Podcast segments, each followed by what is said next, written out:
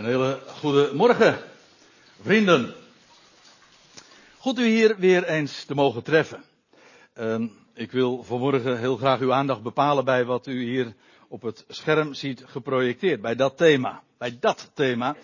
Want ik wilde het hebben over het punt dat die beide begrippen plan en wil, Gods plan en Gods wil nogal eens door elkaar gehaald worden.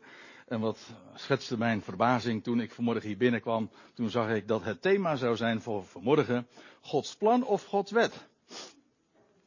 Toen dacht ik, het begint goed. Meteen al die verwarring. Maar bij deze is dat dan even rechtgezet. Vorige week zondag, toen was daar een uitzending van het programma Adieu God. Dat is een serie die de EO al enige jaren uitzendt. En daarin worden bekende Nederlanders voor het voetlicht gebracht die inmiddels adieu hebben gezegd tegen, ja, God. Maar in de praktijk is het meestal, ik weet niet of veel van u dat wel eens gezien hebben. Ik moet zeggen, ik vind het altijd wel een, eh, een goede serie. In die zin dat uh, de vraagsteller, de, de, presentator Thijs van der Brink altijd scherpe vragen weet te stellen. Over de antwoorden ben ik wat eh, minder enthousiast, maar goed. Uh, daar wilde ik het eigenlijk ook nog even over hebben. Maar in elk geval, wat vaak blijkt, is dat in dat programma mensen niet zozeer afscheid hebben genomen en gedag hebben gezegd tegen God, maar meer afscheid hebben genomen van de kerk. En soms ook heel expliciet. Nou, dat was afgelopen zondag ook het geval. Ik heb het zondag toen niet bekeken, maar later werd ik erop gewezen. En toen heb ik het via uitzending gemist alsnog eens bekeken. En dat triggerde mij. Ik dacht, dat is misschien wel een aardige binnenkomer ook voor het, het onderwerp wat ik vanmorgen graag eens hier in uw midden wil neerleggen. Want, nou ja, het ging er al over. Paul Witteman, die was dus de gast u ziet hem hier op, de, op het scherm afgebeeld. Bekende presentator, niet waar. Die ook al uh, altijd heel erg scherpe vragen weet te stellen. Maar in dit geval moest hij antwoorden geven op de vraag waarom hij dan gedag heeft gezegd tegen het geloof en alles wat hij daaronder verstaat. En hij heeft een rooms-katholieke achtergrond.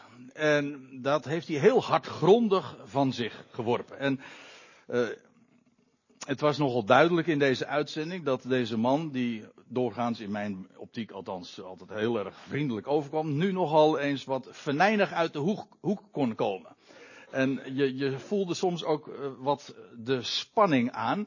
Maar wat uh, frappant was, is dat hij al vertelde dat hij op jonge leeftijd, eigenlijk al op 14, 15-jarige leeftijd, zo uh, hele grote twijfels kreeg of eigenlijk al afstand in zijn hart had genomen van dat geloof.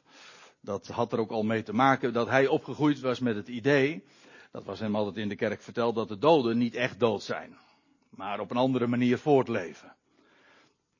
En ja, dat, dat wilde er bij hem niet in, want de, de dooien, ik gebruik zijn terminologie, die hij zag, die waren toch echt zo dood als een pier. En dat, dat wilde er bij hem niet in. En dat bedoelde ik zojuist ook al even met aan te geven dat de antwoorden van de presentator, in dit geval van de EO dus, uh, wat teleurstellen, want dit had een prachtige gelegenheid geweest om vanuit de schrift eens te laten zien dat de Bijbel dat net zo zegt. Namelijk dat de doden echt dood zijn en niets weten. Maar dat hoorde ik niet. En de presentator maakte er ook niet beter op door te zeggen, ja, in het Oude Testament geloofden ze ook eigenlijk nog niet in opstanding. En wisten ze daar niet van. Toen dacht ik, ai, ai, ai, ai, tenenkrommend. Maar, nou ben ik nog steeds niet bij mijn punt. Soms heb ik even moeite om mijn aanloopje te nemen. Uh, want het grootste probleem dat, dat Witteman heeft en had eh, in deze uitzending met God, dat is feit, het feit dat hij claimt de Almachtige te zijn. Zo heeft hij dat altijd gehoord. En als hij om zich heen kijkt in de wereld, dan ziet hij een puinhoop. Nou, hoe zijn die twee gegevens nou te matchen? En het kwaad, en hij noemde het voorbeeld alleen al van de Holocaust. En kijk, dit bezwaar komt u uiteraard, neem ik aan, bekend voor. Maar het feit dat hij dit zo ook naar voren bracht, dat, dat is toch wel veelzeggend. Maar wat zo jammer was, was dat ook in dit geval wederom de presentator van de evangelische omroep, ik zeg het expres even zo, ook totaal niet in staat bleek om hier ook maar enigszins adequaat op te reageren. Want wat deed Thijs van der Brink, de presentator van dit programma? Hij zegt, ja, almachtig, almachtig. En daar probeerde hij wat afstand van te nemen. God almachtig, niet in die zin. En toen werd hij meteen weer door de orde geroepen door, door Paul Witteman. Hallo, jij gelooft toch dat God almachtig is? En ga nou daar niet van afdoen. En het begrip is volstrekt eenduidig. En toen werd Paul Witteman dus ook even een beetje giftig. Van almachtig is almachtig. Ja, en toen kwam totaal niet uit de verf dat God God is en goed en kwaad een plaats geeft. Maar ik weet, dat ligt, dat, is er, dat zijn ook waarheden die echt buiten de kerkelijke kaders liggen. Dus ja, ik had het eigenlijk ook niet zo'n antwoord van Thijs van der Brink verwacht. Maar jammer is het wel. Want dat zijn nu, ik noem nu twee dingen, die tijdens zo'n uitzending naar voren komen. grote bezwaren, gewoon rationele bezwaren van in dit geval Paul Witteman, die die heeft tegen het geloof. En hoe mooi en hoe goed had het geweest als dan het woord van de Bijbel had geklonken. En dan had hij had gezegd van, zo is het. Kijk, dat had antwoord ge, een antwoord geweest. Of het overtuigend voor Witteman was, zou zijn, dat weet ik niet. Maar ik bedoel, ja, als je het niet hoort, hoe zou je het dan kunnen geloven? En dat God inderdaad de Almachtige is. En een geweldig plan heeft. En dat alles wat er gebeurt, dat kwaad en al die dingen die wij geen plaats kunnen geven. Ik, en als ik zeg wij, dan bedoel ik ook gewoon wij. Eh, wij, wij mensen, ook wij gelovigen. Er gebeuren zoveel dingen die je niet kan verantwoorden. Maar de Bijbel, het Bijbelse antwoord is ook niet dat wij dat een plaats kunnen geven, maar dat God de plaatser is. En dat Hij aan alles een plek geeft en sterker nog in zijn plan heeft opgenomen en dat dat kwade nodig is, noodzakelijk kwaad, om dat goede, alomvattende, perfecte doel te bereiken. En dat kennis van goed niet los verkrijgbaar is. Alleen maar kennis van goed via en door middel van contrast. Door kennis van kwaad. Dat zijn logische, rationele antwoorden maar ze werden niet gehoord. Laten we eens naar Romeinen 9 gaan. Want dat is zojuist voorgelezen. En daarin gaat Paulus ook in op dat machtige godsconcept, als ik het zo mag noemen. Dat begrip van God die alles een plaats geeft. Magistraal is dat, wordt dat in deze brief naar voren gebracht, maar met name Romeinen 9. En dan wordt een voorbeeld opgevoerd van, van Farao. Die van Gods wegen, nou ja, bij monden van Mozes, te horen kreeg. Nou, u kent de geschiedenis. Het is verfilmd. Ik bedoel, het is zo het is uh, ja, zo'n be bekend verhaal, dus daar hoef ik nauwelijks op in te gaan. Maar zoals Paulus dit naar voren brengt. Juist ook in verband met dat plan van God. Dan, Mozes die geeft aan Farao door het, wat God te zeggen heeft tegen die Farao. Namelijk, laat mijn volk gaan. En Farao doet dat niet. Heel uitdrukkelijk niet. En er volgen plagen, plagen. Op een gegeven moment dreigt hij te bezwijken. En dan is het God die vervolgens zijn hart versterkt, staat er letterlijk. Of verhard. Hard maakt, zodat hij nee blijft zeggen. En dat is iets heel eigenaardigs. Nou, en dan krijg je dat bezwaar. Want hoe zit dat nou?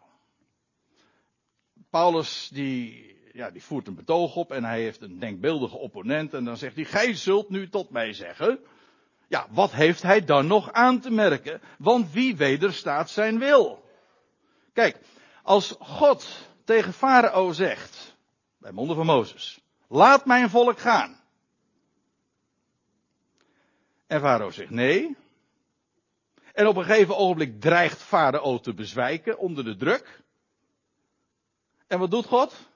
Hij versterkt, hij verhardt zijn hart, zodat hij nee blijft zeggen. Maar dan kun je de vraag stellen, maar wat heeft God daar nog aan te merken? Dan doet hij toch precies wat hij wil. Kijk, en over die verwarring van Gods plan en Gods wil, dit is een schitterend voorbeeld. Nou ja, schitterend tussen aanhalingstekens, want het is eigenlijk toch wel heel kwalijk. Waarom? En ik heb het in deze tekst ook meteen even doorgestreept. Want hier staat in de gangbare vertalingen, want wie wederstaat, of letterlijk in de voltooide vorm, wie, wie heeft wederstaan, niet zijn wil. Hier staat in het Grieks het woordje boulema. Ik zeg het eventjes om, om straks ook onderscheid te kunnen maken, zodat we die twee eventjes heel duidelijk naast elkaar kunnen neerzetten. Hier staat in het Grieks het woordje boulema. En dat betekent raad, bedoeling, zo wordt het ook meestal weergegeven. Alleen hier heeft men het vertaald met wil. Kijk, en dat is buitengewoon verwarrend. Want hier staat, kijk, zoals de vertaling het nu voor wil geven, van ja, Farao heeft Gods wil niet weerstaan. En dat is niet waar. Farao weerstond Gods wil. De wil van God was heel duidelijk. Heel kort ook. Laat mijn volk gaan. Dat was Gods wil. Heeft Farao Gods wil weerstaan? Jazeker. Heel duidelijk zelfs. Maar nu iets anders. Dat is niet wat Paulus hier zegt. Of de, de opponent, zeg maar, de denkbeeldige opponent hier zegt. Er staat, want wie heeft zijn bedoeling weerstaan? Dat is wat er staat. Zijn raad. Zijn intentie. En die heeft Farao inderdaad niet weerstaan. Die kende die trouwens ook helemaal niet. Maar hij wist alleen van Gods wil en die heeft hij weerstaan. Kan je Gods wil weerstaan? Ja, wis en waarachtig. En er gebeurt heel veel. Ik zou zeggen, niet anders. We zingen in een lied ergens. En daar heb ik al soms wel moeite mee met de tekst. Ja, ook hier. Ik bedoel, laten we ook maar handen in eigen boezem steken. Van het gaat alles uh, in deze tijd naar uw wil. denk, is dat zo? Nee, het gaat alles naar zijn plan. Dat is dus correct. Maar naar zijn wil, nee. Ik zal u vertellen, uh, ik neem u even mee naar Exodus 4, dat God al ooit, toen hij Mozes riep, dus voordat hij ooit zijn gang had gemaakt naar Farao, al tegen Mozes had gezegd hoe het zou gaan. Dus dit is bij de roeping van Mozes en vooraf gaand aan zijn, zijn gang naar het paleis en, uh, en het domein van de, van de farao. Nou, de Heer zei tot Mozes, nu gij gaat terugkeren naar Egypte, zie toe dat gij voor het aangezicht van Farao al de wonderen doet die ik in uw macht gesteld heb. Mozes kreeg het vermogen, kreeg een, de autorisatie van Gods wegen om dat te doen. En dan staat er, maar, vooraf dus al, hè, ik God zelf, de Heere, zal zijn hart verharden, zodat hij het volk niet zal laten gaan. Kijk, dat wist Mozes. Dus Mozes wist al op voorhand dat hij, dat Farao niet zou luisteren. En sterker nog, dat God hem daartoe ook in, eh, in staat zou stellen om niet te luisteren. En dat is iets heel eigenaardigs, want dan krijg je dus Gods wil en Gods bedoeling. Gods wil, die kende Farao. Gods bedoeling kende Mozes. Op voorhand. Farao kreeg dat helemaal niet te horen. Dat was helemaal niet voor zijn oortjes bestemd. En waarom? Wel, dat, daar zullen we het zo over hebben. Maar ziet u, het verschil tussen Gods wil en Gods bedoeling. Gods bedoeling kende Mozes zijn raad, zijn intentie. En nou neem ik u weer even mee terug naar Romeinen 9. En dat is een vers dan, dat daar dan weer aan vooraf gaat, aan wat ik zojuist liet zien, in vers 17. Want het schriftwoord zegt tot Farao, en nu wordt er weer uit Exodus geciteerd, uit eigenlijk diverse schriftplaatsen trouwens. Daartoe heb ik u doen opstaan. Dat wordt dus tegen Farao uh, gezegd, of um, van Farao gezegd, daartoe, dus dat, dat is de bedoeling, opdat ik in u mijn kracht zou tonen en mijn naam verbreid zou worden over de hele aarde. Daarom. Kijk, en een farao die nee zei, was heel bruikbaar voor dat doel. Daarvoor was het nodig dat God zijn wil bekend maakte. Daar was ook een weerspannige farao voor nodig die zei nee. En daar was ook voor nodig dat als die zou bezwijken onder de enorme druk, dat hij alsnog inderdaad van Gods wegen de kracht zou krijgen en verhard of versterkt zou worden. Waarom? Wel, omdat Gods intentie was opdat hij zijn kracht zou demonstreren. En nergens in de geschiedenis, nou ik overdrijf nu, maar zelden in de geschiedenis is zozeer Gods kracht publiekelijk gedemonstreerd als juist bij die gelegenheid. Waarom? Omdat Farao nee zei. Tegen wat God tegen hem eh, gezegd had en wat hij zou moeten doen. Ziet u hoe, hoe wonderlijk dat is? Maar oh, het, het geweldige is, wij hebben, beste mensen, een God. Nee, ik moet zeggen, wij hebben één God. Dat wil zeggen, één die alles plaatst. En wat je ook doet, en wat er ook gebeurt, en hoe je ook je vuisten balt naar de hemel, het past allemaal in zijn plan. Daar val je nooit buiten. Wat er ook gebeurt. Dat is geweldig. En zelfs als je tegen zijn wil ingaat, dan is dat nog niet tegen zijn raad. Die, aan die God valt niet te ontkomen. Dat is de ene God van de Bijbel. Die nooit mistast. Een sterke hand zingen we ergens in een lied. Een sterke hand die nooit heeft misgetast. Bij hem gaat er nooit iets mis. Dat wat hij voornemens, God heeft een plan. Een plan van ja, zoals dat in Efeze 3 genoemd wordt, een plan van Ionen. Een voornemen. En hij verkondigt, staat er in Jezaja, is ook zo'n zo'n man die zo geweldig die, die godheid van God etaleert en beschrijft. Ik verkondig van den beginnen de afloop. Ja, waarom? Nou, er is maar één God. Er is, een, er is er maar één die alles beschikt. Dus daar, daar kan helemaal niks tegen in gebeuren. Dat kan niet. Daarom kan hij ook, hij heeft het script in handen en op voorhand staat het einde al volstrekt vast. Daar, daar valt niet aan te morrelen, dat, zo is het. Kijk, dat is rotsgrond waar je op staat, dat kan niet missen. Ik neem u nog mee naar een andere schriftplaats. Efeze 1. Daar, zie je trouwens heel mooi dat verschil. Tussen Gods plan Gods, beter, Gods bedoeling, Gods intentie en zijn wil. Efeze 1, daar staat, uh, ja, ik, val midden in het vers, Efeze 1, vers 11, allemaal enen. Dat is ook wel mooi, makkelijk onthouden. Het gaat over die ene die naar het voornemen, naar het voornemen, het plan van hem, die in alles, daar staat het al, werkt, inwerkt naar de raad van zijn wil. En letterlijk dat woordje raad, dat is hier bedoeling, waar we het in Romeinen 9, vers 19 ook over hadden. Weet u wel, daar wordt het dan weer vertaald met wil. Maar stel je voor dat ze het hier op dezelfde wijze hadden vertaald als in Romeinen 9, dan had er gestaan van, eh, dan had er hier moeten staan van, naar de wil van zijn wil.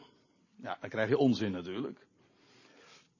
Nee, er staat naar de raad, naar de intentie, naar de bedoeling van zijn wil. Kijk, en dat is een ander Grieks woord. Telema. Die twee moet je heel goed uit elkaar houden. Gods plan wordt nooit weerstaan. En toen Farao dus nee zei, bij herhaling, weerstond hij Gods wil en vervulde daarmee Gods raad. Want die heeft nooit iemand weerstaan. Zo kolossaal, zo geweldig, magistraal, maar ook hoe belangrijk is het om dat verschil te zien en die twee niet door elkaar te halen. En dat doe je heel gemakkelijk. Ook mensen die dit onderscheid wel kennen. Want ik, hoor mensen bijvoorbeeld zeggen, ehm, als ze dan een keuze moeten maken in hun leven, zeggen van ach, nou wat maakt het eigenlijk uit? Het is alles uit God. En daarmee bedoelt men, het rechtvaardigt eigenlijk al elke keuze. Maar het is een, uh, ik zou het haast een wisseltruc noemen. Nou ja, dat is niet helemaal juist natuurlijk.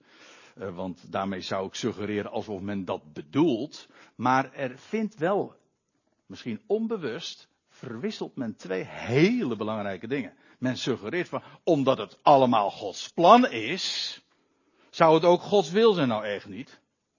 Dat zijn twee dingen, die moet je goed uit elkaar houden. Ik zal u nog een voorbeeld geven. Spreuken 16 vind ik een hele mooie. Uit het Oude Testament. Spreuken 16. Vers 4. Moet je uit je hoofd kennen. Nou, je moet niks, maar ik kan het u wel aanbevelen. Want dat staat er wel, wel heel glashelder.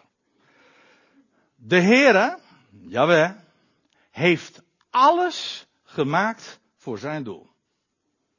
En wat bedoelt hij nou met alles? Nou, daarbij bedoelt hij alles. En, ja maar, nee, zegt de spreukendichter. Zelfs de goddeloze, voor de dag des kwaads, heeft God, is die goddeloze, doet die Gods wil? Nee, een goddeloze is juist iemand die niet buigt voor Gods wil. Dat is juist wat hem goddeloos maakt. En die dag des kwaads, is dat wat God wil? Nee, ook niet. Staat, dat staat hier ook niet. God heeft alles gemaakt voor zijn doel. Voor zijn doel. En niets, maar dan ook werkelijk niets, zelfs die goddeloze, die goddeloos handelt, en die dag des kwaads, het is allemaal integraal onderdeel van dat plan, dat doel van God. Dat kan je never nooit missen. En dat is niet de eer van de mens, dat is zijn eer. Het is zijn eer dat hij met alles, maar dan ook werkelijk met alles, een doel heeft. Niet alles is de bedoeling, maar alles heeft een bedoeling. Het is niet alles de raad van zijn wil, maar het gaat alles naar de raad van zijn wil. Subtiele verschillen hoor. Eh, je valt zomaar over je, je struikt zomaar over je woorden. Hou gewoon hierbij aan de taal van de schrift. Maar geef God de eer dat hij alles gemaakt heeft voor zijn doel. Dat is zo belangrijk. En er zijn dingen die helemaal niet voor iedereen bestemd zijn. Bijvoorbeeld Gods bedoelingen. Ik had het zojuist even over de farao. Daar was farao helemaal niet van op de hoogte. En die waren ook helemaal niet voor hem bestemd. Maar God wist, ah, wist er uiteraard van, maar hij heeft, God het heeft ook gedeeld. Er staat in Spreuken 25, dat is ook een mooie. Moet je ook onthouden. ja, zo leer je nog eens wat als je wat onthoudt. Maar in Spreuken 25 vers 2, het is Gods eer een zaak te verbergen. Maar der koningen eer een zaak uit te vorsen. Dat gaat me even om dat eerste deel. Het is Gods eer een zaak te verbergen. Om dat niet allemaal duidelijk te laten maken. Dat ligt niet op straat. God verbergt dingen. En de grootste, de machtigste, de heerlijkste dingen, die zijn vandaag allemaal stuk voor stuk verborgen. Dat haalt de krant niet. De nieuwsredacties wordt dat niet uh, gevonden. En dat, dat ligt niet op straat, je hoort er niet van. Dat, is, onttrekt zich nou echt aan, aan, ja, aan de camera en gewoon aan de. Dat, dat, dat weet, daar weet niemand van. Dat is verborgen. Eigenlijk alles wat God vandaag doet is verborgen. Dat is, ja, goh, ik zou dat duidelijk kunnen maken aan de hand van de brieven in het Nieuwe Testament. Maar Gods werk is verborgen. En ons leven is verborgen. En Christus is verborgen die ons leven is. Het wachten is op het moment dat het openbaar wordt. Maar vandaag is alles verborgen. Het is Gods eer. Het is Gods eer. Een heleboel mensen vragen wel eens een keertje van, ja, maar waarom, als het nou allemaal uh, zo duidelijk is, is wat, wat, je, wat je dan naar voren brengt, als je dan het evangelie uiteenzet of dingen uit de schrift, en zegt van, maar waarom weet ik dat dan niet? Of waarom, waarom is dat niet veel bekender? Dan denk ik heel vaak aan Spreuken 25 vers 2. Het is Gods eer een zaak te verbergen. En het is trouwens ook heel koninklijk, royaal, bedoel ik, om het uit te forsen. Want te checken. Want in de schrift is het allemaal te vinden. Dat is het mooie. Ondanks het feit dat het verborgen is, het is allemaal te checken. Na te speuren, toch wel. Ja. En Nee, ik, u, ziet, ik ga, van de ene schriftplaats naar de, naar de andere schriftplaats, gewoon om, u, om de waarheid zo, zo breed mogelijk ook, ook uiteen te zetten. Maar de spreuken, of in Genesis 18, daar lees je, en dat is net voorafgaand aan de verwoesting van Sodom en Gomorra, dan lees je dat, de, en de Heere dacht, staat er dan in vers 17 van dat hoofdstuk, zou ik voor Abraham verbergen wat ik ga doen? Ik zei al, er zijn dingen die niet voor iedereen bestemd zijn. Maar voor bepaalde mensen wel. En God zegt dan ook, ik ga dat niet verbergen voor Abraham, mijn vriend. Abraham wordt genoemd de, de gabber, de gaber, de liefhebber, de vriend van God. En die, en die verborgenheden, die deelt God met sommigen. Niet voor iedereen. Ik, uh, vroeger in de kerk, ik kom uit een reformatorisch nest. En dan zongen wij Psalm 25. Misschien, ja, ik weet wel zeker, er zijn mensen die hier ook uh, in de zaal zitten, die uh, die psalm ook wel wellicht uit hun hoofd kennen zelfs. Gods verborgen omgang vinden. Kunt u me aanvullen? Zielen waar zijn vrees in woont. Het zijn alleen maar oudere mensen die dit kunnen aanvullen, denk ik. Zielen waar zijn vrees in woont. En dan? Te heilgeheim wordt aan zijn vrienden naar zijn vreeverbond getoond. Ja, het is oud-Nederlands, dat weet ik. Maar het is wel een mooie. Het is, het is de berijmde versie, maar u vindt dat in Psalm 25 echt ook uh, terug. Zo.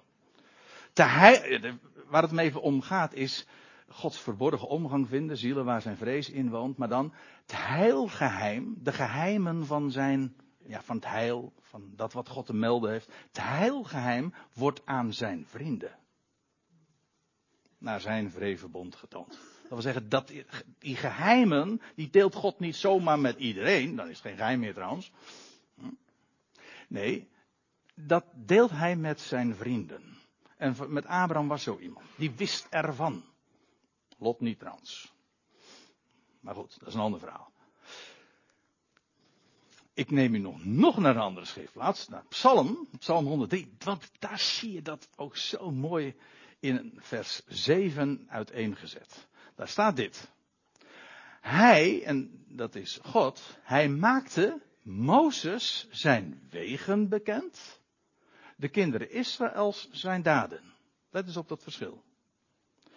De kinderen Israëls, trouwens de Egyptenaren ook, die werden bekendgemaakt met Gods daden. Die waren namelijk nogal evident. Die voelbaar, zichtbaar,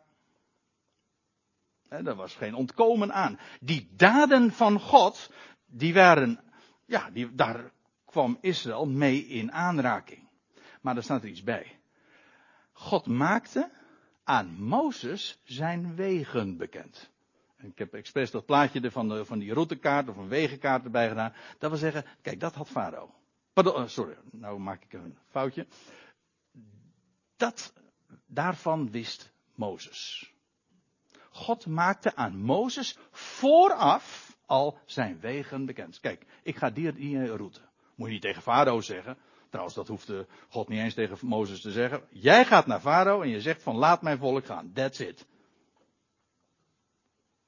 En dan, maar God wist, en hij zegt dat tegen Mozes, hij gaat niet luisteren. Als hij gaat bezwijken, dan ga ik zijn hart verraden of versterken.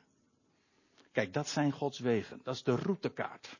Dat, doet, dat deelt God niet met iedereen. Farao wist Gods wil. Israël werd bekend met, gemaakt met de daden. Maar Mozes wist van Gods wegen. Een mooi onderscheid. En dan wil ik u nog naar twee schriftplaatsen meenemen. In het Nieuwe Testament. Want ik zei al,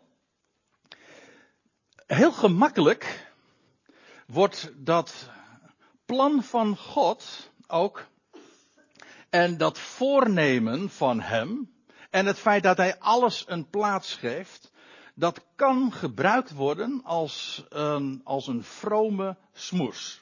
Helaas, zelfs de, de, ja, zo gaat dat. De kostbaarste waarheden, die worden misbruikt. Dat kan ook met deze waarheid, dat God God is en dat alles in zijn plan, past. Dat is zo geweldig. Dat geeft hem de eer. Maar het kan gebruikt worden als een excuustrus voor je eigen wil te doen. En je niks van hem aan te trekken. Wat is Gods wil? Kijk, het komt er eigenlijk op neer. Als je niet luistert naar Gods wil, dan heb je feitelijk geen, mag ik het even plat zeggen, geen barst te maken met zijn bedoelingen. Daar gaat je helemaal niks aan. Zijn plannen deelt hij met degene, met zijn liefhebbers, met degene die van hem houden, die, zijn, die zich voegen naar zijn wil. Daar deelt hij zijn plannen mee, zijn voornemens. Nou, wat wil God nou? Dat was concreet. Kijk, als je nou praat over Gods plan en Gods bedoelingen, ja, daar past alles in. In feite, Gods plan is niet, dat is geen richtingaanwijzer. Dat is, ik bedoel dit ermee te zeggen, dat zegt je niet welke keuze je moet maken. Want ah, ongeacht wat, wat je, wat je ook kiest, het is allemaal in Gods plan. Dus als je zegt van ja, ik moet een bepaalde keuze maken, nou laat ik het zus maar doen, want dat past wel in Gods plan. Ja, dat is, dat is nogal wiedes. Het is eigenlijk het is zelfs onlogisch als je het zo zegt. Want ongeacht wat je ook doet, het zal toch in overeenstemming met zijn met de raad van zijn wil. Daar is namelijk geen ontkomen aan. Maar dat is ook niet de vraag die voor ons primair geldt. De vraag is, wat is zijn wil? Wat is nou zijn wil? Nou, laat ik twee voorbeelden geven. Dat is eigenlijk een onderwerp apart, maar om die twee toch ook beide, zeg maar, de rechtmatige plaats te geven op zo'n ochtend als deze. Want dit is, zegt Paulus in 1 Thessalonica 4 vers 3, want dit is, dit, dit wil God. Letterlijk, dit wil, dit is de wil van de God. Ik hou van dat bepaalde lidwoord. De God. Namelijk die ene. U weet het wel. God, niet een Godje, nee, de God. Wat, en wat wil God nou van ons? Gewoon, dit wordt, dit schrijft Paulus, leermeester van de natie, ik laat dat straks nog zien. Wat schrijft hij nou over Gods wil? Nou, hij zegt, uw heiliging. Wat is dat? Nou, heiliging wil gewoon zeggen dat je, je bent apart gezet voor de God. Heiliging betekent feite niet zozeer dat je afgezonderd bent van, maar het is positief, je bent afgezonderd tot, namelijk voor Hem. En we zijn feitelijk, degene die gelooft, die vandaag overtuigd zijn door Hem, ja, die zijn daarmee in feite uh, op zich al apartelingen. Je wordt apart gezet en met de bedoeling er voor Hem te zijn. En weet je wat het geweldige is? Als Hij jou roept, dan geeft Hij jou ook alles wat je nodig hebt om die roeping te vervullen. Hij, hij roept, maar hij bekwaamt ook. Hij geeft je wat je nodig hebt. Dat is toch geweldig? Dat is, en dat is dus ook zijn eer weer. Hij, dit wil God, uw heiliging. Dat wil zeggen dat je beseft, ik ben van hem. En het enige wat in het leven telt, in feite is dat wat een gelovige is. Je gelooft hem, dat wil zeggen het enige wat telt, dat is hij. En de rest is ten opzichte van dat allemaal flauwekul. Zo absoluut. Er is maar één. Uit wie, door wie, tot wie alles is. Als ik hem nou heb leren kennen, hij heeft mij geroepen, dan zeg jij bent van mij. En dat wil zeggen, hij roept, ja waarom? Ja, omdat hij een plan met jou heeft, omdat hij vandaag je wil gebruiken als een instrument in zijn handen. Zodat je ingezet kan worden. En wat wil God nou? Nou, dat we voor hem er zijn. Alsjeblieft hier, gebruik me maar. Dit wil God, uw heiliging. Eigenlijk is dit A, B, C. Dit is logisch.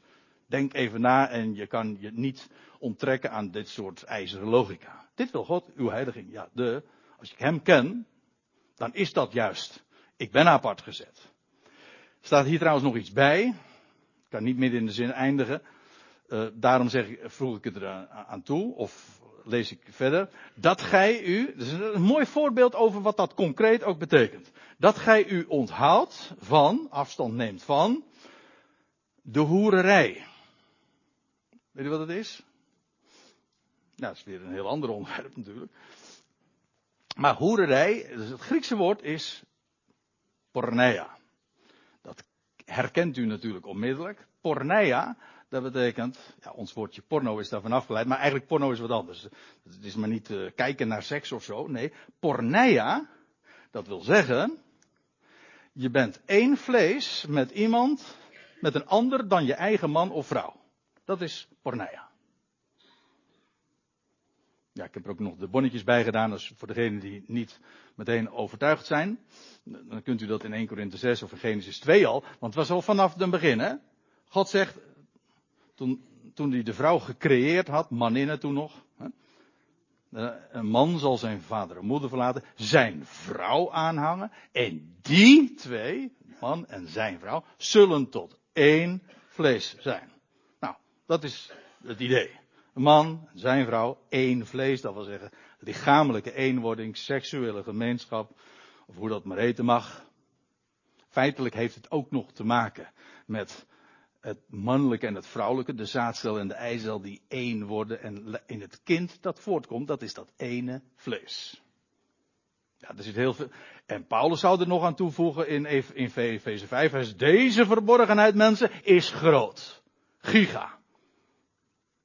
Ik zeg het met het oog op Christus en de Ecclesia. Maar zo diep gaan we nu even niet.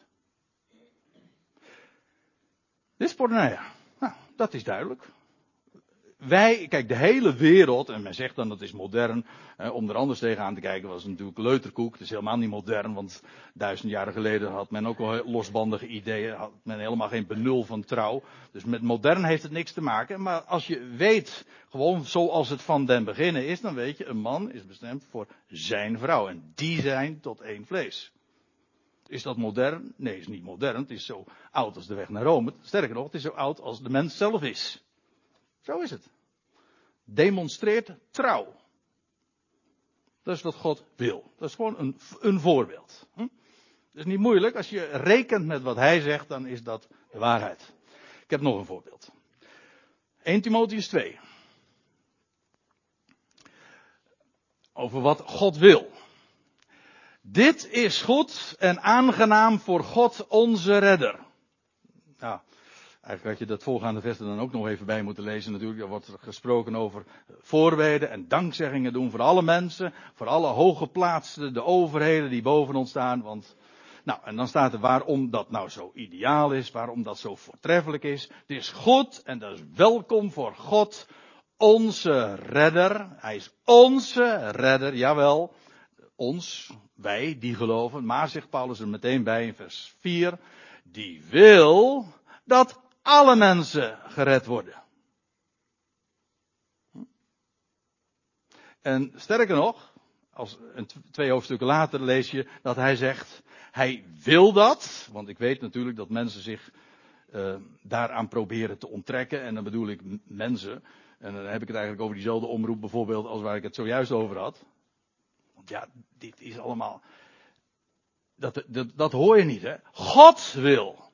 Kijk, Gods wil kan nu weerstaan worden, maar er komt een moment dat Gods wil niet meer weerstaan kan worden. Zijn wil zal geschieden. Gods wil triomfeert. Als je niet gelooft dat er één God is en de mens is eigenlijk ook een Godje en die, kan, die heeft een vrije wil en als die niet wil, nou, nou dan zegt God, nou sorry, dan, dan maar niet. Nou, dat, dan heb je dus niet één God, dan heb je, een heel, dan heb je miljarden Godjes. Nou, gefeliciteerd. Het geweldige is juist, er is één God. Die wil dat alle mensen gered worden. En hij is ook een redder van alle mensen. Duidelijke Bijbelse waarheid. Kijk, wat wil God nou? Nou dat. En hij wil nog iets, namelijk dat mensen dat zouden beseffen. Tot erkentenis, of tot letterlijk tot besef, epignosis, dat wil zeggen dat ze dat zouden niet alleen weten, maar echt daarboven nog zelfs ook zouden beseffen. Voor mijn part erkentenis van waarheid komen. In ieder geval die waarheid dat Hij God is. En dat Hij wil dat alle mensen gered worden. Dat wil God. En het is ook zijn plan, trouwens. Maar wat wil God nou? Nou, dit. Dat we dat weten. Dat we dat zouden beseffen. Deze waarheid. Want staat er, Paulus gaat gewoon verder, hè? Is 1 Timotheüs 2 vers 3 en 4. Nou gaan we naar 1 Timotheüs 2 vers 5. Want, zegt hij, er is één God. Daarom. Trouwens, ook één middelaar. Brug, degene die de verbinding aanbrengt van God en mensen. En wie is dat dan? Dat is de mens, Christus Jezus. Ik hou van, dit is een soort van mission statement van Paulus. Kijk, dit is waar het nou allemaal om gaat. Dat te vertellen. Om de hele wereld, die heidenwereld te bekend te maken met die ene God. En die ene wil van hem. En die mens, Christus Jezus, die heeft zich gegeven tot een losprijs voor allen. Diezelfde allen die in vers 3 genoemd werden. God wil dat alle mensen gered worden. De prijs is betaald. Wat is het toch geweldig, mensen. En hoe worden, wordt deze waarheid, juist door degene die geacht worden het door te geven, bestreden? Dat is vreselijk. Dat is echt vreselijk. Kun je zeggen, ja, dat is toch ook naar Gods plan? Ja, dank je de koek, natuurlijk. Maar Gods wil is duidelijk. Dat is dit. En daarom kan ik uh, soms ook boos om worden. Heel erg boos om worden. Als dat zo duidelijk, zo staat en men weerstaat het. Ik weet het, het is naar Gods plan. Dit is wat God wil. Dat dit verteld zou worden. Dit is de blijde tijding. Elk van die miljarden mensen, kinderen. En of ze nou vaarwel hebben gezegd tegen de kerk, ja, of niet, zo wordt denk ik dan. Als je dit niet hoort, wat moet je, er, wat moet je daar dan zoeken? De prijs is betaald voor alle mensen. Voor al die miljarden mensen. Ze zijn het eigendom van Christus Jezus. Zo staat het er. Hij betaalde de prijs opdat ze verlost zou worden. Dus één God, één middelaar. En die prijs is universeel. Ziet u, er is één en één voor allen. Dat moet één vrouw toch hier helemaal wel aanspreken, als ik het zo zeg. Eén voor allen en allen voor één. En zegt Paulus er dan nog bij, ik had het over een mission statement, en dat is het laatste wat ik wil noemen. En Paulus zegt, ik ben daartoe als een heraut. Maak het bekend. Ja, het is de waarheid. Ik ben daartoe als een heraut. En bovendien als een, her, als een afgevaardigde gesteld. Dat wil zeggen, hij is geroepen hoogstpersoonlijk door Christus Jezus. In zijn kladden gegrepen. Hij, Paulus wilde niet. Nee, maar God wilde het. Gods wil heeft hem overroeld. Over, uh, overweldigd, zegt hij in dezezelfde brief trouwens. Gods genade heeft mij overweldigd. Dat is trouwens ook, nou ga ik iets aardigs zeggen over, mij, over, de, over onze Calvinistische vrienden. Die noemden dat dan de onwederstandelijke wil Gods. Dat is zo. Ik zou dan zeggen, het is de onwederstandelijke, het onwederstandelijke plan van God. De bedoeling van God. Maar het is inderdaad onwederstandelijk. En Paulus is geroepen. Hij zegt, als een heraut, als een afgevaardigde. Hij zegt, ik spreek waarheid, geen leugen, denk erom als een leermeester van natieën. In geloof en waarheid. Kijk, als je de waarheid kent, als je bent geroepen, dan ken je Gods wil en dan weet je, dit is Gods wil. Dit zou uitgedragen worden. Dit zou bekendgemaakt worden. Dit is de missie. Dit is waar we toe geroepen zijn. En Paulus, om die boodschap van de apostel van de natie, zoals dat is vastgelegd in de schriften, zwart op wit, maak het bekend. Paulus zegt, ik ben daartoe gesteld. En als je die waarheid ook kent, in geloof en waarheid, wat doe je dan? Nou, dan mag je het naspreken. En hem zo de eer geven die hem waarlijk ook toekomt.